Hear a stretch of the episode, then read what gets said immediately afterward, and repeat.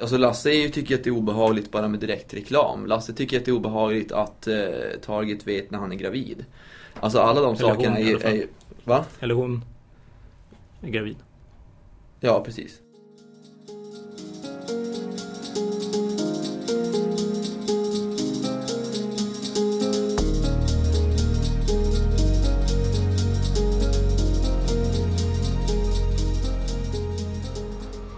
Hej och välkomna till Utrikeshandelspodden, en samtalspodd från Kommerskollegium, Sveriges myndighet för utrikeshandel, EUs inre marknad och handelspolitik. Jag heter Alexandra Hernadi och är kommunikationsstrateg här på Kommerskollegium. I den här poddserien vrider vi och vänder på de frågor vi arbetar med tillsammans med olika medarbetare här på kollegiet. Vi pratar om vad vi gör, hur vi gör det och ganska mycket om varför i relation till omvärlden, digitaliseringen, globalisering och allt annat som händer just nu. Idag ska vi prata om den nya handelsverkligheten där digitaliseringen går fortare än fortast och lagstiftningen är ständig tvåa. Med mig för att prata data kontra integritet och hot versus möjligheter är två av kollegiets experter på det här området. Välkomna Magnus Rentzhag och Ola Landström. Ni har ju ett slags, vad ska man säga, good cop, bad cop perspektiv på den här utvecklingen som vi står mitt uppe i. Och därför tänkte jag att vi skulle låta er reda ut de här frågorna tillsammans utan min inblandning så att våra lyssnare får en riktig känsla för vilka utmaningar vi står inför. Så Magnus, jag lämnar över till dig. Kör hårt! Tack så mycket. Det är kul att få göra en podd och vara med i det digitala medielandskapet. Vår värld blir ju mer och mer digitaliserad. Eh, allt eh, från vår vardag till handeln till tillverkningen blir mer och mer beroende av dataflöden, digitala lösningar och internet. Det här skapar ju fantastiska möjligheter för oss som individer men inte minst för företagen att komma ut och sälja sina varor och tjänster på en global marknad. Jag brukar säga att man kan summera det här i fyra E på engelska. Då. Den första är enable. Det vill säga att hälften av världshandeln med tjänster har skapats genom internet och digitala lösningar. Och den andra hälften har blivit mycket mer effektiv, efficient. Och det här är möjligheter till små företag inte minst, även stora företag såklart, att komma ut i ge empowerment. Ebay har gjort en studie som visar att företag över en viss storlek att 95 procent av företagen som använder deras plattform exporterar till 20 till 40 länder i genomsnitt. Jämförs med den gamla offline-världen där siffran är 5 procent. Och den sista, equity. U-länders möjlighet att integreras i världshandeln på ett sätt som inte fanns förut. McKinsey, eh, konsultbyrån, har gjort en studie som visar att dataflöden idag ger mer för BNP-tillväxten än varuhandeln. Och de som är de stora vinnarna är små länder i periferin. Inte de stora i mitten utan de små. För de får tillgång till kunskap, till marknader, know-how och så vidare på ett sätt som de inte fick förut. Så världen är ljus, för att travestera den gamla kultfilmen Blues Brothers. The future looks so bright, we all gotta wear shades. Det är, det är sjukt spännande. Det finns ju hur mycket möjligheter som helst egentligen och, och vi ser många företag, vi har, vi har hur många konvent som helst och sådana saker där man ser företag som pratar över vilka fantastiska möjligheter som finns just i den här datan. Um, vet att Amazon nu till exempel har, har ett patent på någonting som de kallar för anticipatory shipping. Vilket alltså innebär att de vet vad du ska köpa innan du har köpt det. Och på så sätt så kan de skicka ut det innan du har beställt det och så när du beställer det så knackar eh, leveranskillen på dörren samtidigt. Och det, här är ju, det här är ju fantastiskt spännande öppna öppnar för nya möjligheter. Det finns också ett, ett, ett roligt exempel från, från Target när man använde, det är en, en stor kedja i USA, där man använde Big Data för att rikta reklamen på ett sånt sätt så att man kunde specifikt se till exempel att, att eh, kvinnor som börjar köpa oparfymerad tvål eller sådana saker, då räknar datorn ut att de där ska få barn snart. Så man skickar ut kuponger och plötsligt så här, åh grattis, du ska få barn, här får du blöjor Eh, till billigare pris. Om de råkar skicka hem dig till en, till en, till en väldigt kristen familj där den 16-åriga dottern hade börjat köpa sån här hudkräm. Vilket ledde till att hennes pappa blev jättearg och gick ut i media och kände sig skymfad och allt möjligt. Men det visade sig då att Target hade bättre koll på den här dottern än vad den här frikyrkliga pappan hade. Vilket är intressant i det sammanhanget. Det som jag, det jag tycker är så spännande är när man pratar med de här företagen och de ser alla de här fantastiska möjligheterna så pratar de verkligen om, bara om möjligheter. Man kan gå på seminarier och konferenser och sådana saker. Det känns som att de är frånkopplade från vanligt folk. Liksom. För när jag pratar om de sakerna som jag sen upplever med liksom, folk som jag känner så tycker alla att det här låter skitobehagligt. Jag har inte presenterat det här för någon människa. Man sitter bara såhär wow! Och så sen kan, kan drönare komma med skiten. Och alla, alla bara såhär, men vad? Ska, ska, ska, ska de veta att jag är gravid? Ska, ska, ska Amazon veta vad jag ska köpa innan jag ens vet det själv? Att företagen, liksom, att den här datan öppnar upp för sådana fantastiska möjligheterna för, för företagen att veta saker om oss i någon sorts Big Brother-samhälle där, där de har den rollen. Och där ser vi också den stora dikotomin i det här, att vi har alla de här möjligheterna men samtidigt är det en av de största trösklarna för folk. Det finns en sån Eurobarometer-undersökning från kommissionen om det. Att man, man är så rädd för att ge sig ut på internet överhuvudtaget. Det finns ju också kanske skillnad i strukturer mellan olika tyskar är mer rädda för det här än, än svenskar till exempel, av, av olika anledningar.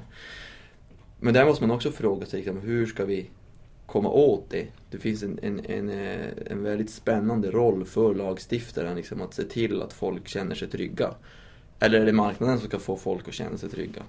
Det är ju väldigt mycket lagstiftningsinitiativ där som, som kommer på, som å ena sidan kanske hindrar branschen, men å andra sidan kanske får de här oroliga tyskarna då, eller mina kompisar i det fallet, och, och känna sig trygga med att faktiskt våga handla på, på internet.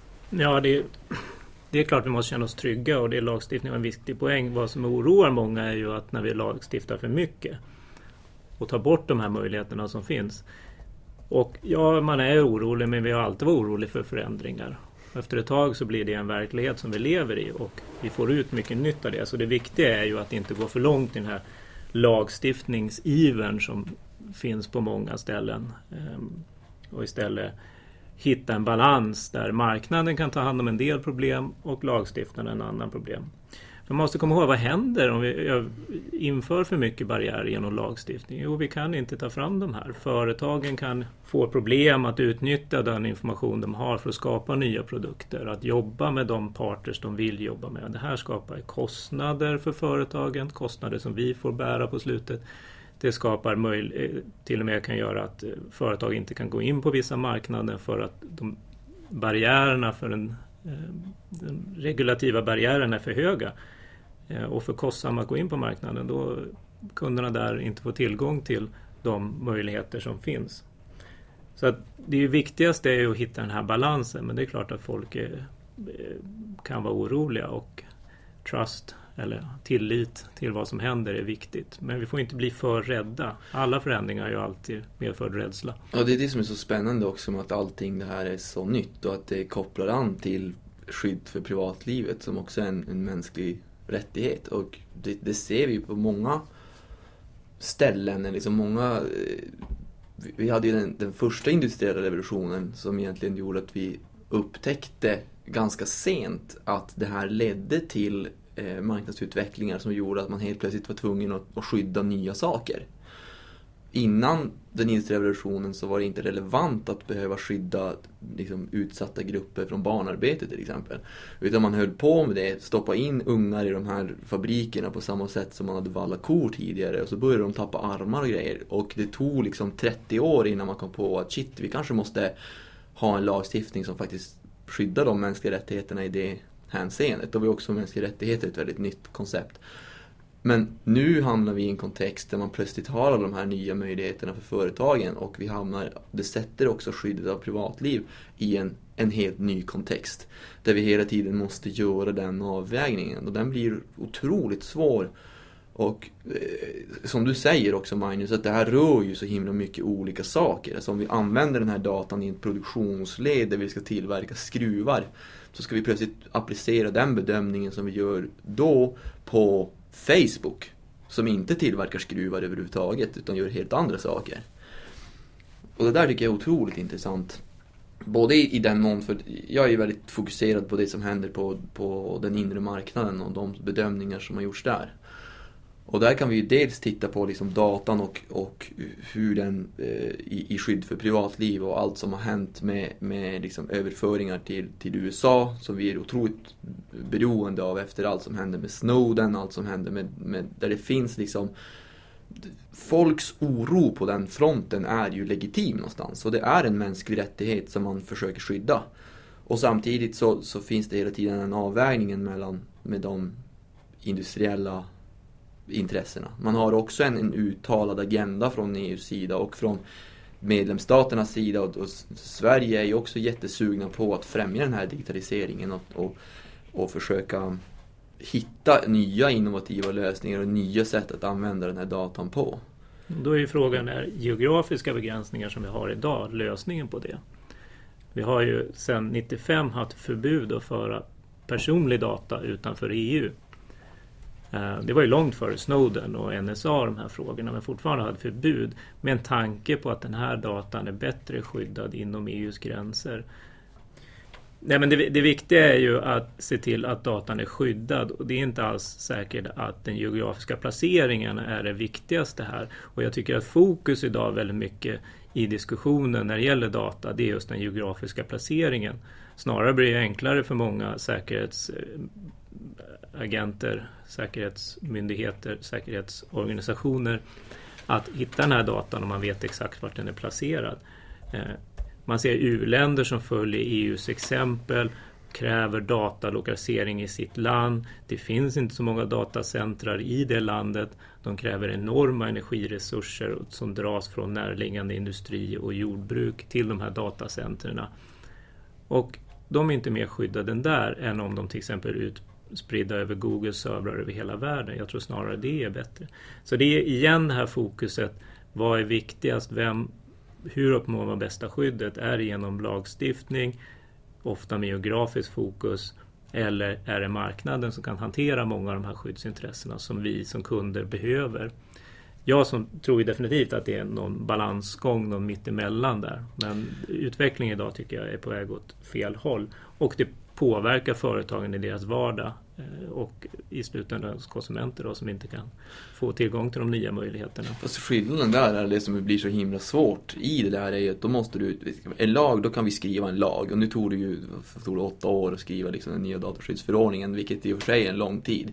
Men jag tror att liksom insatsen för att få folk att fatta vad det är som är på gång få folk att fatta liksom, eh, eller egentligen gå in och läsa de här terms and conditions som är och vad folk ska göra med datorn och vad som händer med det. Det, det, gör, det gör inte ens jag. Alltså, eh, och då är jag jurist och jobbar med de här frågorna. Vad heter det? Så, så att bara säga att marknaden ska lösa det tror inte jag Nej, men det är ingen som säger att bara marknaden ska göra det utan det handlar ju om att hitta en balans. Idag har vi en in, en syn som jag ser på att EU tycker att lagstiftning är den enda vägen framåt istället för att lita på kontrakt. Speciellt, det är en väldig skillnad också när vi pratar mellan oss som individer, de stora företagen och när vi pratar mellan företag till företag. Där har vi en helt annan situation. Men ändå lägger vi, som du var inne på tidigare, samma rassel över företagen och, och deras handel, deras interna produktionshandel som utgör 80 procent av världshandeln ska regleras på samma sätt med samma begränsningar som när vi använder Facebook eller Google. Så att det finns, tycker jag, en övertro till lagstiftningen här, speciellt på det här området.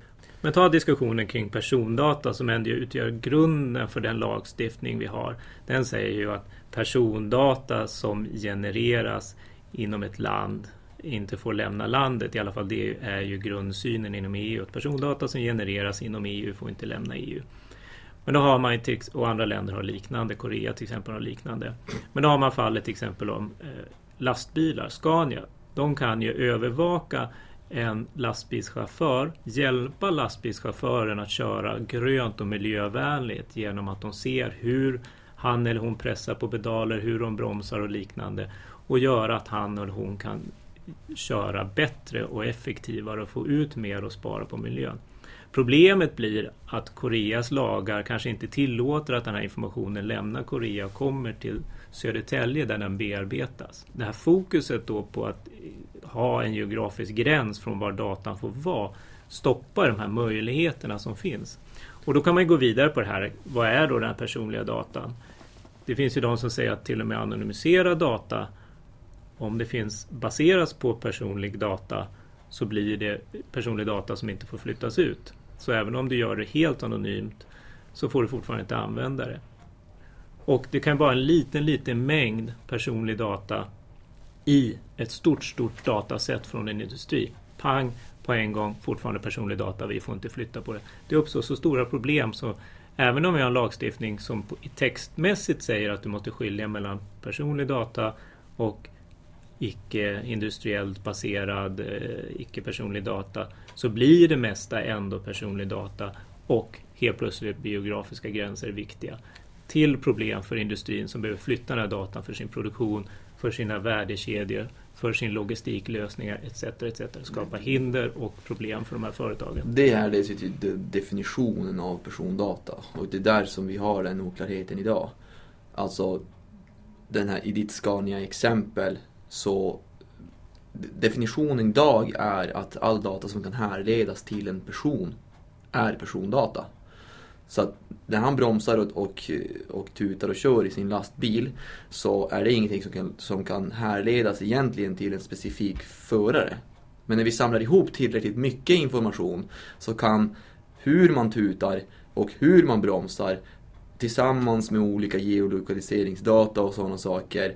Eh, kanske om man lägger ihop det då med scheman och sånt. Så att beroende på vilka data vi kombinerar, hur vi kombinerar dem, hur mycket data vi har och hur smart algoritm vi har i andra ändan så kan någonting som alltså inte var persondata ena dagen plötsligt förvandlas magiskt till att bli persondata för att vi kan härleda det specifikt till Lasse som kör den här eh, lastbilen. Och där uppstår det problemet. Samtidigt kan jag tänka mig alla möjliga obehagliga situationer där en arbetsgivare kan räkna ut de här sakerna för att räkna ut var Lasse befinner sig med sin lastbil.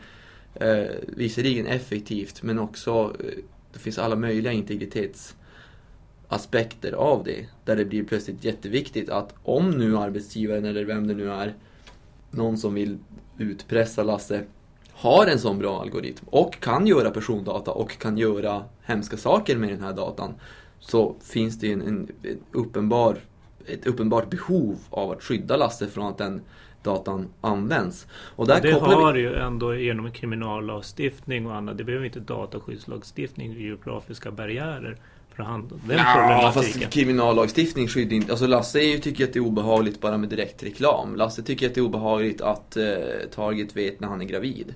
Alltså alla de Eller sakerna hon, är, är... Va? Eller hon är gravid.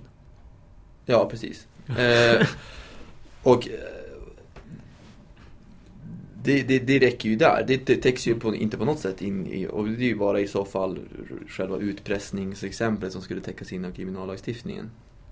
Men, men eh, det, det jag vill komma till är att, att det blir en fråga om jurisdiktion. Och det är där som lokaliseringskraven ligger in. Och där har vi ju ett antal intressanta eh, rättsfall som, som också pågår i USA huruvida amerikanska myndigheter har rätt att kräva data från Facebook på Irland till exempel när det rör nationell säkerhet och sådana saker. Och jag tror att vi också ligger i ett, ett, ett, ett politiskt klimat idag med terrorhot och sådana saker som gör att regeringar kommer att vilja ha ut den här informationen i allt större grad. Jag tror att det är väldigt talande i de här eh, flygresenärsfallen som ligger i EU-domstolen just nu. Där man alltså vill ha eh, persondata på flygresenärer som ska flyga till Kanada i det här fallet. Och de, de fallen kommer att vara avgörande på så sätt att det kommer att definiera hur domstolen tittar på den här datan. Och om man överhuvudtaget kan göra den typ av liksom breda övervakningsinsatser som, som, eh, som man vill göra. Jag tror ju också att det finns en, en viss, viss krock i eh, säkerhetspolitiken å ena sidan, där, där också överföringar av persondata är, är central för att det ska fungera, liksom bekämpa terror och sånt. Det finns också lagstiftning på EU-nivå som ser till att man ska reglera det. Också i olika handelsavtal så tittar man på eh, hur man ska kunna föra den typen av data. Och den personliga integriteten och den andra. Och det är, det är en gammal avvägning som man alltid har gjort. Den har varit samma när man ska öppna folks post eller när man skulle skulle telefonavlyssna folk. Bara det det görs i en helt ny kontext. Å ena sidan har man möjligheten att, att övervaka tusen miljarder människor på en gång.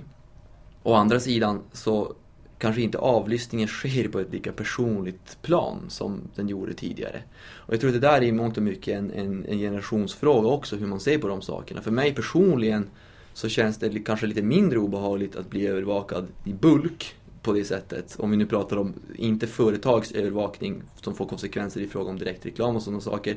Utan övervakning i fråga om, om terrorism och sådana saker. Om jag blir övervakad i bulk så är det bara en dator som egentligen kommer att se min information. Som bara kommer att bestå av ettor och nollor tills den datorn har gjort en analys. Och jag tror att lagstiftningen och synsättet också i mångt och mycket är baserat på att det är en, en sorts östtysk man som sitter på andra sidan väggen och lyssnar på dig personligen. Och, och, det är inte riktigt det som sker i de här övervaknings tillfällena. Det som man måste titta på är vilka skyddsintressen vi har när det får konsekvenser. När ditt namn, för att du heter Mohammed kanske, står plötsligt på en no-fly-lista hos flygbolaget. Då vill man som, som privatperson också kunna säga, men varför står jag på den här no-fly-listan? I det östtyska fallet så kommer det vara jättelätt att säga, ja men det är för att Günther här har satt dig på no-fly-listan för han har suttit och lyssnat vid ditt fönster. Men när Mohammed står på no-fly-listan så kommer ingen riktigt att veta varför han står där för att det är helt baserat på en, en, en bedömning som har gjorts av en algoritm. Och där kommer vi till frågor om överprövningar och sådana saker som blir väldigt relevant i, i, jo, det, i det specifika väldigt fallet. Viktigt. Och då är det viktigt var datan befinner sig för att det kommer att bestämma vilken jurisdiktion vi hamnar i när den här personen vill överklaga eller är orättvist behandlad eller diskriminerad eller sådana saker.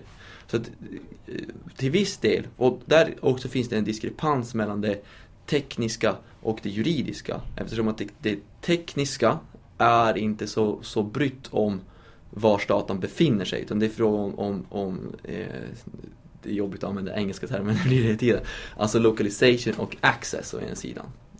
NSA kommer inte att bry sig om var datan är för att de kan ändå komma åt den. Det är det som är grejen med internet. Vi behöver inte veta var datan är. Det finns jättemånga exempel där vi liksom har en syn på att det är någon sorts arkivskåp vi har skattelagstiftningen i Sverige som till exempel säger att man måste ha revisionsdata på en server i Sverige för att man tänker att det är ett arkivskåp som man ska kunna komma åt. Men grejen är att Skatteverket behöver de här uppgifterna. Inte att de behöver dem på papper. Eller även om de behöver dem på papper så kan de ju få dem för att det är fråga om access, inte localization. Och så här Men... sätter du ju poängen igen på problemet med att ha geografisk scope som grunden i lagstiftningen. Vi har ju fall i svenska företag som är tvungna att ha sin data här i Sverige, finansierad data, men skulle vi lägga ut den på större, säkrare servrar på andra ställen ja. i EU, men inte får göra det för vi har det geografiska Men på fokus. något sätt måste vi bestämma vilken jurisdiktion som de här gränsdragningarna handlar under. Och jag tror inte heller att du skulle vilja att allting var under allas jurisdiktion, för då skulle det bli ett jäkla bök för företagen.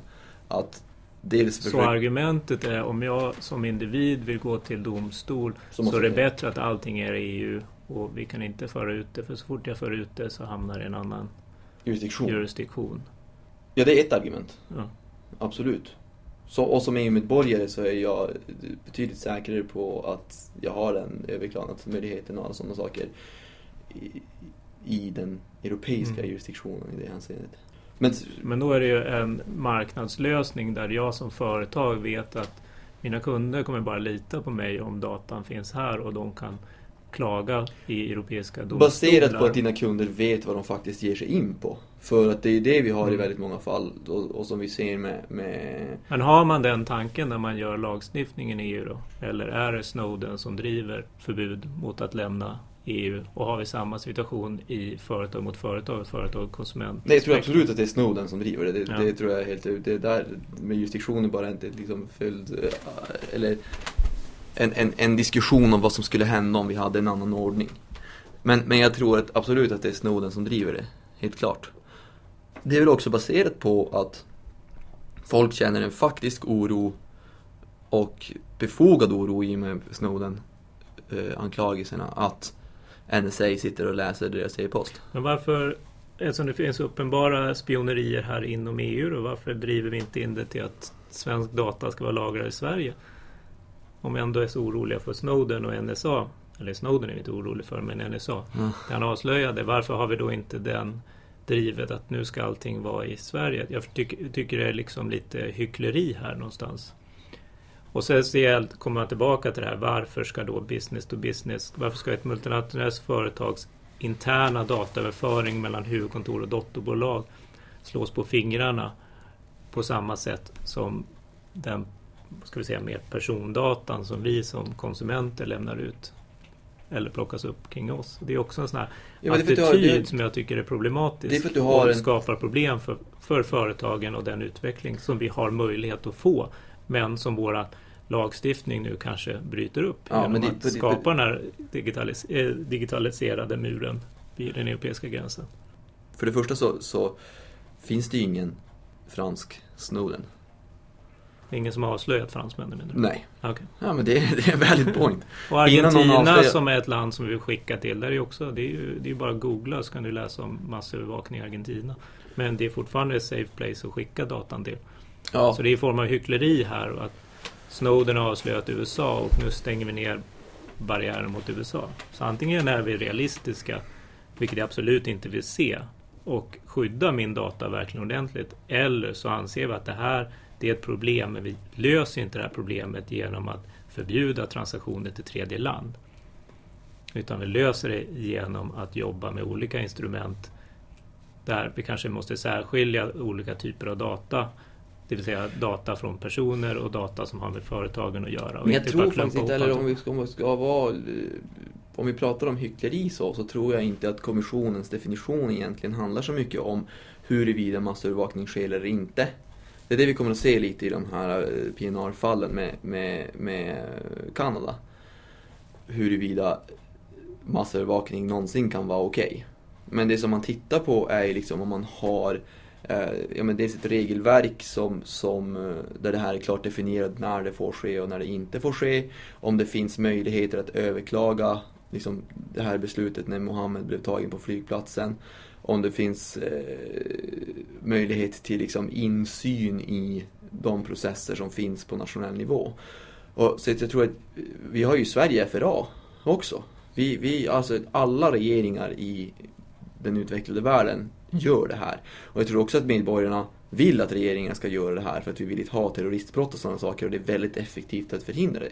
Frågan är ju vilka möjligheter man har att ta tillvara sina rättigheter när det har fått konsekvenser på något sätt. Eller när man är, eh, vill veta vilken data regeringen har på en eller vad eh, hela, hela den biten. Om det finns någon möjlighet att överklaga den här typen av beslut. Så jag tror att det är det, med det man tittar på när man undersöker hur man har en adequate level of protection. Det låter ju utmärkt. Sen får man komma också ihåg, och det, Jag vill- det är en jag, annan... vänta? får jag bara, s- din Nej. andra poäng om att man bara ska, eller inte ska skydda inte ska skydda men man kanske inte måste ha samma typ av regleringar för olika former. Ja. Eh, Det är en sak överföring när Facebook överför som i Schrems-fallet. De för min personliga data som jag har skrivit på Facebook. Ja. Till och med det jag inte har skrivit kan de föra över jämfört med ett stort multinationellt företag skickar löneuppgifter till eh, Precis. dotterbolagen i USA. Så om vi loss- Varför ska vi stänga ner båda? Att Om vi låtsas att, att fallet Schrems då hade... Fallet Schrems var alltså en österrikisk medborgare som var sur på att Facebook inte skyddade hans persondata på ett tillräckligt bra sätt i USA. Varpå han stämde jag behöver inte gå in på vem han stämde för det blir jobbigt. Men eh, då konstaterar EU-domstolen att det inte var en tillräckligt hög skyddsnivå i USA och man underkände det så kallade Safe Harbor-avtalet som lät företag flytta data utanför USA om företagen, alltså den typ av marknadslösningar som Magnus pratar om, eh, kunde garantera att de skyddar datan. Då menar EU-domstolen i princip att företagen inte kunde garantera det i otroligt förenklade termer. Om vi låtsas att Schrems eh, av eh, domen hade rört en B2B-transaktion, alltså mellan två företag, istället för det här som mellan Max Schrems och, och Facebook. Så är problemet fortfarande att det är NSA som går in och snokar i den datan. Så att om ett företag för över Max Schrems persondata till USA, eller om Max Schrems själv gör det, då blir det nästan värre i din B2B-transaktion och Max Schrems lämnar över sin data till ett europeiskt företag, han tror att den är säker, den flyttas över till det amerikanska molnet och där kommer NSA åt den. Om det nu är så det funkar med access och localizations. Men den faller i alla fall under amerikansk jurisdiktion på det sättet. Men det här är ju data som måste förflyttas för att hela företaget överhuvudtaget ska kunna agera, för att du ska kunna anställa i andra länder, för att du ska kunna Eh, föra forskningsuppgifter fram och tillbaka inom... Och det här är ju företagens ofta privata egna nätverk. Det är inte open internet och liknande. Så att det är klart att det hamnar i en annan jurisdiktion men det handlar ju där av helt annorlunda anledningar och under helt andra former. Och då är ju frågan som jag ställer mig bara, det är ju då, ska vi klippa den här linan också för att vi är rädda för NSA? Ja, NSA kan komma åt den, den kan komma åt den här i Europa lika gärna också för all del. Ja, Och där så- är det egentligen den intressanta delen av bedömningen som jag skulle vilja göra. Att vi har å ena sidan skyddsintresset, skydd för privatliv, det är en mänsklig rättighet. Det kan vi liksom inte, vi, vi kommer inte åt det. Det, det finns i liksom konventionen om mänskliga rättigheterna, det finns i den europeiska stadgan om de mänskliga rättigheterna. Vi har liksom inte en chans att på något sätt sänka det skyddsintresset eller säga så här: nej vi är inte så intresserade av att skydda sig. Frågan är ju, egentligen man bör ställa sig, är, är de här äh, lokaliseringskraven effektivt för att göra det? Det, och det vet man ju på, i alla fall pratar med företagen och ser på hur de måste agera. Det, det är att de är inte effektiva. Deras data är tillgänglig och lokaliseringskraven i sig skapar ju problem för företagen och gör att du och jag får betala priset i form av högre produkt, eh, kostnader Mm. för produkter och tjänster eller att överhuvudtaget vi inte får tillgång till de här möjligheterna. Och sen har man ju nästa steg också. Vi pratar ju Europa, vi pratar hur vi gör. Vi har ju en värld där ute. Företagen för ju inte bara till USA, de för över hela världen. Och andra länder skapar egen data och vill föra ut det och vara med i den här globala världshandeln som vi har och komma åt tjänster. Och de följer, många följer den europeiska lagstiftningsutvecklingen och skapar de här egna barriärerna. Och där är en annan oro att de följer, kräver egna mållösningar som det finns diskussioner med EU att vi ska ha. Vad händer när afrikanska länder börjar tänka de termerna? Vietnam har de termerna tankarna och inte kan ta del av de här stora lösningarna som finns idag som ofta är bättre. Så det finns ju en annan oro där också att vi lär ut någonting som i grund och botten är bra. Jag menar vi ska skydda eh, personlig data, det är inget snack om det, men frågan är hur långt vi går. Och, och igen, jag återkommer till att det finns en oro att vi går för långt och sen att andra länder så lär sig av oss, tyvärr, och skapar egna barriärer och igen gör att den här utvecklingen vi har möjlighet att få uppleva stannar av eller inte går lika snabbt. Men den, den här typen av skyddsåtgärder skapar ju barriärer per definition. Alltså det var ju i mitt barnarbete exempel förut så var ju det också jättejobbigt för företagen eh, att inte plötsligt ha tillgång till de här billiga barnarbetarna. Det är ju också någonting som försvårar och förhindrar för företagen. Så jag tycker där någonstans som kan man aldrig ifrågasätta nivån. Alltså nivån vi lägger de mänskliga rättigheterna på. Utan det man måste göra är att, att konstatera att det här är ett hinder för företagen. Ja, det är det. Det är förbjuda barnarbete, det är förbjuda slaveri, alla miljöregler, allting är hinder för företagen. Men vi måste hitta ett sätt som gör att de här åtgärderna som vi tar också är effektiva för att uppnå det skyddsintresse som vi vill ha. Nivån av mänsklig rättighet går liksom inte att ifrågasätta. Nej, men jag tror inte det är någon som ifrågasätter det. Ifrågasätter ni hur jag tror att det är ganska går- många som ifrågasätter det faktiskt. Jag tror att det är ganska många Nej, som men tycker alltså- att det är tramsigt att, eh, att bry sig om det. Ja, men, ja, det är väl klart det är jobbigt för dem och, och sådär. Men att de flesta anser ju liksom att det är viktigt att skydda, om inte annat för en affärsutvecklingsidé, att du måste skydda dina kunders data, du måste skydda dina konkurrent eller dina samarbetspartners data. Det ingår liksom, annars är du inte trovärdig konkurrent eller trovärdigt företag. Eh, och de flesta företag, i alla fall de jag pratar med, de, de tycker ju personlig integritet och de här frågorna är jätteviktiga. Inte bara ur en affärsutvinkel utan även ur en eh, ja, förståelse för vikten av det för, för marknaden att fungera, för företagen att fungera. Frågan är ju tillbaka igen. Så att jag menar, eh, att skydda data, ja det är alla överens om. Men frågan är hur högt vi går och är en geografisk gräns den metod vi ska använda som medel? Men det jag säger återigen, att det, det som är intressant i det hänseendet är ju frågan om jurisdiktion. Alltså vilka möjligheter har... För att det, det sätter ju då de här datalagringsföretagen i en sån prekär sits. Att de, de blir stämda i USA och säger ge oss datan. Säger amerikanerna. Och de kan bli stämda för förräderi och sådana här saker. Liksom, alltså, det kan vara, det kan vara jätte, jätte allvarliga anklagelser om de inte lämnar ut den datan som de har bedömt är viktig för amerikansk nationell säkerhet. Å ena sidan. Å andra sidan så kan de bli stämda på vad är det, 4% av sin årliga omsättning om de lämnar ut datan. Så då får de att välja om de ska vara liksom förrädare eller böta miljarders miljoner i EU. Och det är ju en fråga om jurisdiktion. Alltså vilka möjligheter har de amerikanska myndigheterna att faktiskt säga till Facebook, ge oss eran data. Medan, ja, vi, vi fortfarande är oklart huruvida de kan göra det när datan befinner sig fysiskt på Irland. Så där är det en fråga där lokaliseringen av datan faktiskt har en betydelse. Och, men då är det också frågan, men då kanske vi måste titta på de reglerna också. Och de reglerna kanske måste komma in i internationella handelsavtal plötsligt. Alltså för att jag tror att alla, medlem, alla länder också har ett intresse av samarbete vad gäller internationell säkerhet och terrorism och sådana saker är ju också ett globalt fenomen nu. Då kanske måste vi föra in den här typen av diskussionen. Vad, hur bekämpar vi terrorism och hur gör vi det i förhållande till de här dataöverföringslagarna? Och även det måste angripas i en, i en global kontext där de som sysslar med de frågorna också måste förstå den här typen av dataflöden. Också måste förstå vilken påverkan eh, det har vars datan ligger i förhållande till, till eh, vad myndigheter kan göra och vad företagen kan göra. För det går inte ihop idag. Ja men alltså det viktigaste skulle ju vara som du säger att vi kan få en internationell samarbete kring de här frågorna. Hur ska vi kunna föra data över hela världen? Inte bara transatlantiskt som är det stora fokuset idag utan företagen finns över hela världen. Kunderna finns över hela världen.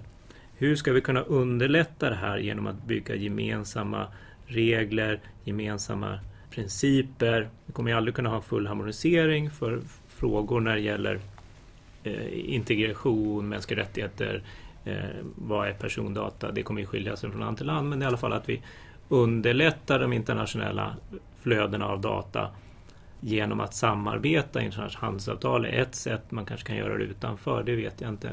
Men det finns säkert många olika sätt.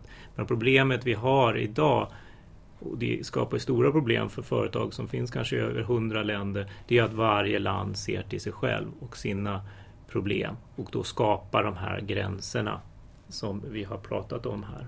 Jag tycker att man också måste jobba hårdare för att se till att det här funkar. Det finns ett jätteviktigt arbete som pågår nu för att ersätta det här gamla Safe Harbor-avtalet med en Privacy Shield. Det går sådär, men liksom, man, man måste förstå vikten av att kunna göra de här dataflödena. Väga det handelshinder som Eh, mänskliga rättigheter och skyddet för privatlivet kommer att utgöra och så hitta ett så effektivt som sätt som möjligt att, att uppnå det skyddsintresset. Och att man inte använder det skyddsintresset som, som en ursäkt för att, för det är bekvämt för politiker att sätta en sån hög skyddsbarriär vilket leder till att man kanske lokaliserar datalagringscenter till, eh, till eh, sin egen jurisdiktion. Vilket leder till arbetstillfällen, vilket är, som kanske har varit den, den tyska linjen i vissa led. Um, samtidigt kan det också vara bra att man konkurrerar med ett högre skyddsintresse. Vi har sett att företag flockas till Tyskland för att de kan säga så här, ja men vi lyder, kolla vi är lagliga i Tyskland. Då vet man per definition att de också följer de striktaste dataskyddsreglerna. Och vi ser också att vi exporterar europeisk dataskyddslagstiftning till en massa länder och en massa u-länder som, som, även om nu Magnus har problem med dataserver och sånt, så är det också ett problem när u-länder inte har eh, en, en adekvat nivå av dataskydd vilket gör att företag som Ebay till exempel drar sig för att öppna sin marknadsplats och liksom de skalningsmöjligheter och sånt som, som, eh, som skulle erbjudas i så fall. Ja, här är vi på samma sida helt klart länder behöver ju dataskyddslagstiftning. Eh, frågan är om vi ska ha samma, troligtvis inte, men någonstans måste vi kunna närma oss varandra och se om vi kan hitta gemensamma som sagt grundprinciper som jag var inne på nu. Här kan ju Världshandelsorganisationen WTO ha en roll genom att föra länder närmare sig, lägga upp gemensamma grundprinciper om när och var och hur data får flytta sig mellan länder. Just för att skapa den här globala marknaden och de fördelar det medför för u-länder, för små företag, för stora företag, för individer att kunna eh, ta del av de här möjligheterna som finns. Som jag sa i början, McKinsey säger ju att dataflöden nu skapar mer för tillväxten än varuhandeln. Ändå har vi en tendens att bygga barriärer för de här dataflödena. Vissa barriärer givetvis eh, välkomna, andra som du säger snarare där av politiska skäl eller av missförstånd och förståelse för vad data och dataflöden är och vikten av att de här rör sig. Så någonstans försöka hitta en gemensamma nämnare globalt tror jag är oerhört viktigt för framtiden. Balans. Balans. Om vi ska kunna ha våra solglasögon och njuta av den här strålande möjligheterna som digitaliseringen och datavärlden medför.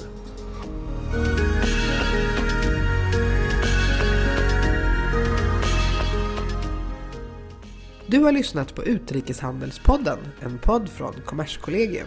Följ oss gärna på Twitter, där heter vi Kommerskoll. Eller läs mer om vår verksamhet på kommers.se.